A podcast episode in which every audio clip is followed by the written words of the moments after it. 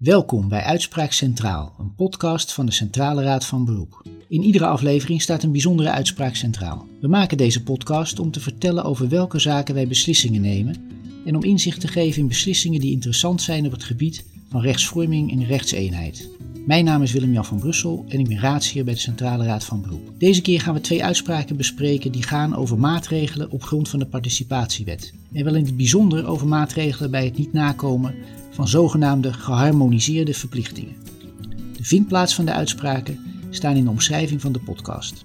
Ik ga over de uitspraak in gesprek met Karen Jacobs, raadsheer bij de Raad in de werkstroom Bijstand. Welkom Karen. Dankjewel. Goed om vooraf te vermelden dat jij niet betrokken bent bij de uitspraken die we gaan bespreken. Dat klopt. Ik ook niet. Uh, voordat we overgaan naar de uitspraken moeten we eerst twee begrippen toelichten. Maatregelen en de geharmoniseerde verplichtingen in de participatiewet. Wat kan je daarover vertellen? Nou, de participatiewet dat is een vrij omvangrijke wet. Het is een heel uitgebreide wet. Daar is van alles in geregeld. Mensen uh, um, die recht hebben op bijstand, wanneer mensen recht hebben op bijstand, dat staat er allemaal in. Maar wat ook in de participatiewet staat, is um, dat, uh, dat mensen eigenlijk van alles moeten doen om uit die bijstand te komen. Bijstand is een, is een vangnet. Uh, um, en de bedoeling is dat mensen op eigen kracht weer in eigen inkomen kunnen voorzien, dus aan het werk. Dat is ook de uitdrukkelijke bedoeling van de wetgever geweest. Om er nou voor te zorgen dat die mensen in de bijstand uh, ook nou, een bepaalde prikkel krijgen om aan het werk te gaan, zijn er verplichtingen opgenomen in de participatiewet. En daar, daar zijn er acht met name genoemd. En dat zijn de geharmoniseerde uh, verplichtingen, de, de geuniformeerde uh, verplichtingen. Zo, zoals? Nou, bijvoorbeeld dat um, het aanvaarden of behouden van algemeen geaccepteerde arbeid. Dus dat je, als je werk krijgt aangeboden, dat ook moet aannemen. Een ander voorbeeld is het naar vermogen verkrijgen, aanvaarden of behouden van algemeen geaccepteerde arbeid, niet belemmeren door kleding, gebrek aan persoonlijke verzorging of gedrag. Dus uh, dat je dus niet in een gesprek je zodanig moet gedragen dat je, uh, dat je die baan niet, niet krijgt. Het ligt wel een beetje in elkaars verlengde, maar goed, het is wel als een aparte verplichting geformuleerd. En zo zijn er een acht, achttal ehm, verplichtingen opgenomen. Nou, als je daar niet aan houdt, dan, dan kan de gemeente een maatregel opleggen. En een maatregel, dat houdt concreet in dat je dus geen bijstand krijgt. En wel voor de duur van minimaal één maand. Dus een maatregel van 100%. Dat, dat betekent dus één maand geen uitkering. Minimaal. Ja. En dat is naar keuze van de gemeente? Um, ja, de gemeente heeft wel een keuze uh, in, uh, in hoeveel maanden. Maar ze moeten minimaal één maand een maatregel van 100% opleggen. Dus vandaar ook uh, dat dus die uh, ja, geuniformeerde verplichting is. De wetgever vond deze gedragingen zo belangrijk dat daar ook een, een, een, krachtige sanctie tegenover moest staan. Juist om ervoor te zorgen dat die mensen uit de bijstand komen. Dus bij de, als je die geharmoniseerde verplichtingen niet nakomt, volgt er altijd een sanctie van tenminste 100%. Ja. En daarnaast zijn er nog andere verplichtingen, ja. niet geharmoniseerd. En daar, daar kan de gemeente in de afstemmingsverordening ja. bepalen welke, welke maatregel daar wordt uh, getroffen. Ja, inderdaad, in de participatie twee soorten maatregelen. De maatregelen die, uh, ja, die kunnen dan lokaal worden geregeld in die afstemmingsverordening inderdaad. Of de, de geharmoniseerde uh, verplichtingen, de geuniformeerde maatregelen zoals die in de wet staat. Er zijn over die maatregelen nogal wat zaken bij de Raad. Is ook wel begrijpelijk, want dat zijn forse, forse maatregelen. Eén maand geen bijstand mm -hmm. tenminste. En het komt niet altijd tot uitspraken van de Raad. Nee, dat klopt. Want we, we hebben inderdaad best wel wat zaken over dit onderwerp. Maar al, ja, als iemand op rechtspraak.nl kijkt, dan valt misschien op dat er eigenlijk helemaal niet zo heel veel uitspraken zijn. En dat komt omdat uh, deze zaken vaak uh, door het gesprek op de zitting tussen gemeente en burger leidt tot een onderlinge regeling. of dat de gemeente tot, tot het inzicht komt, hé, hey, deze maatregel kan geen stand houden. De wet biedt de mogelijkheid om maatwerk te leveren. In de wet staat dat als er dringende redenen zijn, dan moet een gemeente de maatregel afstemmen. En daarbij moet gekeken worden naar de omstandigheden, de mogelijkheden en de middelen van, van de bijstandsgerechtigde. Dus is wel degelijk maatwerk mogelijk. En wat dat maatwerk is, Dat is afhankelijk van de individuele zaak. Dat kan zijn dat dan die 100% uh, moet worden gemaakt tot 50% of tot 30%. Hè, dat is in eerste instantie aan de gemeente om dat op een goede manier uh, te bepalen. Wat we zien is dat ook hierover op zitting vaak een gesprek ontstaat. Uh, en um, dat, dat, dat ook hierover vaak zaken worden geregeld bij de Raad. En dan komt er wel een ander percentage uit? Of... Dat, is, dat is dan de mogelijkheid, ja. Maar dat is echt afhankelijk van, van de individuele zaak. We gaan twee uitspraken bespreken. Een uh, zaak over gemeente Gouda en een zaak over de gemeente Waddinxveen. We gaan beginnen met de zaak over de gemeente Gouda. Dat is uh, 2022 696. Uh, ja, soms zijn clichés ook gewoon waar, want deze zaak gaat over kaas. Ja, iemand zou als productiemedewerker uh, aan de slag kunnen bij een kaasfabriek in Gouda.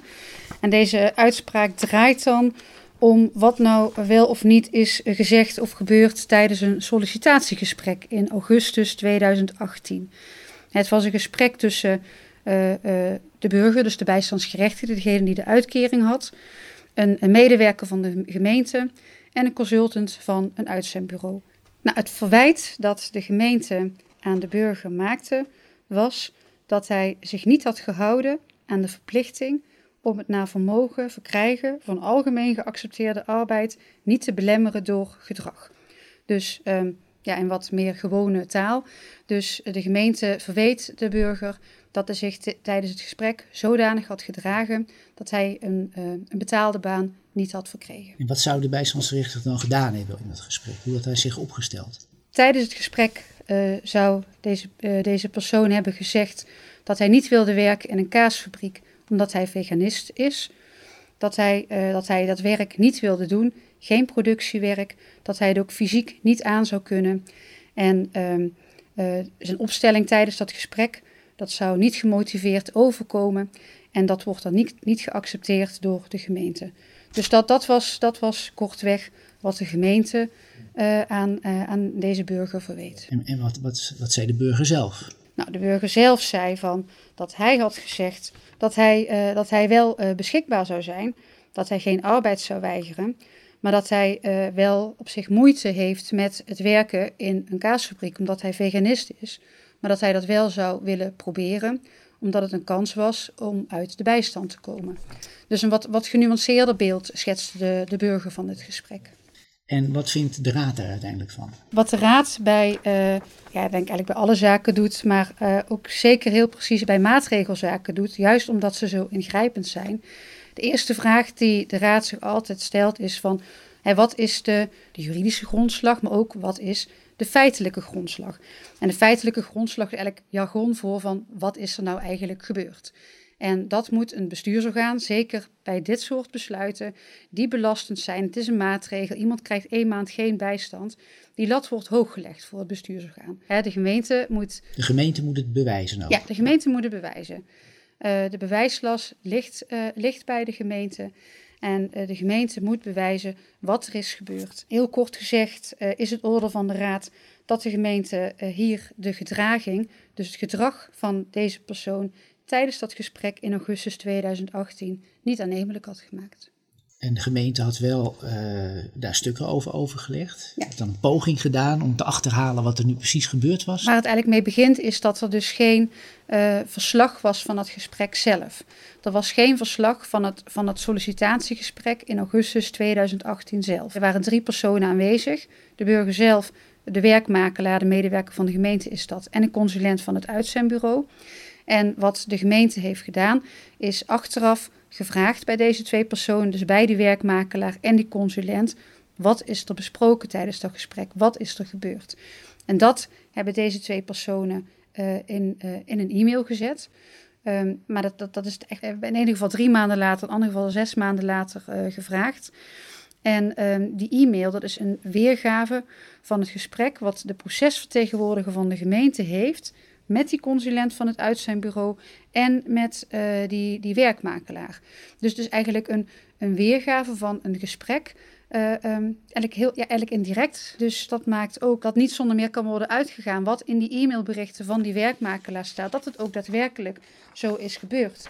hè, wat de raad daarover uh, overweegt, is dat de e-mailberichten uh, dus niet de weergave van het verloop van die gesprekken bevat, maar alleen een samenvatting en van wat de cons consultant en de werkmakelaar ieder als uitlatingen van appellant hebben onthouden. Dus uit herinnering uh, heeft uh, die werkmakelaar en die consultant dat gesprek met de procesvertegenwoordiger van de gemeente gehouden. Die procesvertegenwoordiger heeft dat op papier, papier gezet. En dat is wat de gemeente ten grondslag had gelegd aan de maatregel. En dan komt het dus op neer dat de gemeente niet aannemelijk heeft gemaakt dat die verplichting niet is nagekomen ja. in dat gesprek. En dat er dus geen grondslag is om een maatregel op te leggen. Ja, dat klopt. En er zijn, hè, dat wordt dan ook nog, de, verder zijn er ook geen andere feiten of omstandigheden naar voren gebracht. Hè. Het, eh, de gemeente heeft ook op de zitting uitdrukkelijk gezegd: van ja, het gaat echt om wat in die e-mailberichten uh, staat.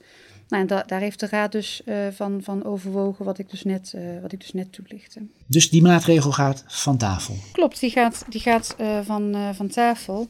En dat betekent dus dat, dat deze burger die maand dus wel recht had op bijstand. In elk geval die maatregel, die, wordt, ja, die wordt herroepen. Dus die is, die is van tafel. En dan de andere uitspraak? Ja. Dat is de uitspraak van de gemeente Waddingsveen. 2022 268. Uh, in die zaak had de gemeente ook een maatregel opgelegd van een korting van 100% over één maand. Wat, was er, wat legde de gemeente daaraan ten grondslag? De gemeente legde er uh, uiteindelijk aan ten grondslag dat, uh, dat, deze, dat deze burger door zijn gedrag het verkrijgen van algemeen geaccepteerde arbeid heeft belemmerd. En hoe had hij dat gedaan, dat? Nou, wat de gemeente uh, hierover naar voren bracht, was dat hij uh, verwijtbaar afwezig is geweest bij de werkgever. En dat, dat hij door, uh, door zijn gedrag geen arbeidsovereenkomst voor 40 uur per week heeft gekregen na zijn proefplaatsing. Want hij was met een proefplaatsing bij een kwekerij geplaatst. En de bedoeling was na die proefplaatsing zou hij voor 40 uur in de week aan de slag kunnen bij die kwekerij. De gemeente verweet hem dat hij zich zodanig had gedragen dat hij had belemmerd dat hij dat contract kreeg. En, en wat voor gedrag had hij dan vertoond volgens de gemeente? Nou, wat de gemeente uh, zegt is dat hij um, verwijtbaar uh, afwezig uh, was geweest op een, op een aantal dagen. En dat de gemeente regelmatig meldingen kreeg van, van de werkgever over deze persoon, dat het misging met deze bijstandsgerechtigde. En dat de werkgever niet meer verder wilde met hem. En wat stelde de bijstandsgerechtigde daar tegenover? Wat was vervolgens, hoe is het volgens hem gegaan? Nou, wat er volgens de bijstandsgerechtigde was gebeurd, was dat hij, dat hij wel twee keer te laat was, maar dat er goede redenen voor waren. Hij heeft erop gewezen dat er daarna de proefplaatsingsovereenkomst toch is getekend. Hij heeft uh, uh, aangevoerd dat hij één dag wel afwezig was, maar dat hij dat had geruild voor een andere dag. En hij heeft aangevoerd dat hij zich één dag ziek had gemeld. Dus dat zijn afwezigheid die dag geoorloofd was. En wat vindt de, de Centrale Raad van Beroep er uiteindelijk van? De Centrale Raad van Beroep kijkt uh, ook in deze zaak heel precies van wat, wat is er nou feitelijk gebeurd. En het lastige in deze zaak was dat het, dat het eigenlijk niet zo goed vast te stellen was. Want de gemeente uh, gaf aan dat het uh, misging met, uh, met deze bijstandsgerechtigden. Maar wat, wat dat nou precies concreet inhield, dat, dat, dat stond niet in het dossier. En het is ook niet nagevraagd bij de werkgever wat dat nou precies inhield. De raad zegt ook de bijstandsgerechtigde heeft gemotiveerd aangevoerd dat hij een dag had geruild en dat hij een dag ziek was. He, dus van, van ongeoorloofde afwezigheid, daar was helemaal niet, uh, niet van gebleken. Dus de conclusie dat het gedrag van, van deze bijstandsgerechtigde ertoe heeft geleid dat hij geen arbeid kreeg in de vorm van het arbeidscontract van 40 uur in de week, ja, daar, daar, daar is niet van gebleken. Dus ook in deze zaak, net als in de vorige zaak, komt niet vast te staan dat de bijstandsgerechtigde de geharmoniseerde verplichting niet heeft nagekomen. Klopt. Ja, we zien dat het daar wel, wel vaker uh, misgaat voor, voor de gemeente. Dat daar de schoen wringt. Dat dat is wat ze niet uh, aannemelijk kunnen maken. Wat er nou precies uh, is gebeurd. En, want het ligt op de weg van de gemeente om dat te doen? Ja, de bewijslast ligt bij de gemeente. Het is een belastend besluit. En de, de gevolgen zijn heel groot voor een bijstandsgerechtigde. Eén maand geen inkomen, dat is nogal wat. En dat mede daarom kijkt de Raad daar echt heel kritisch naar. Zeer bedankt voor dit gesprek, Karin. En voor de toelichting op deze uitspraken over de maatregelen bij de geharmoniseerde verplichtingen op grond van de participatiewet. Dit was Uitspraak Centraal voor deze maand. Over twee maanden een nieuwe aflevering met een nieuwe gast en een nieuwe uitspraak. De productie van de podcast wordt verzorgd door Mariska van der Veen en de muziek is van Bert Weijers. Heb je vragen of opmerkingen? Laat het ons weten via Twitter, Facebook of LinkedIn. Tot de volgende keer.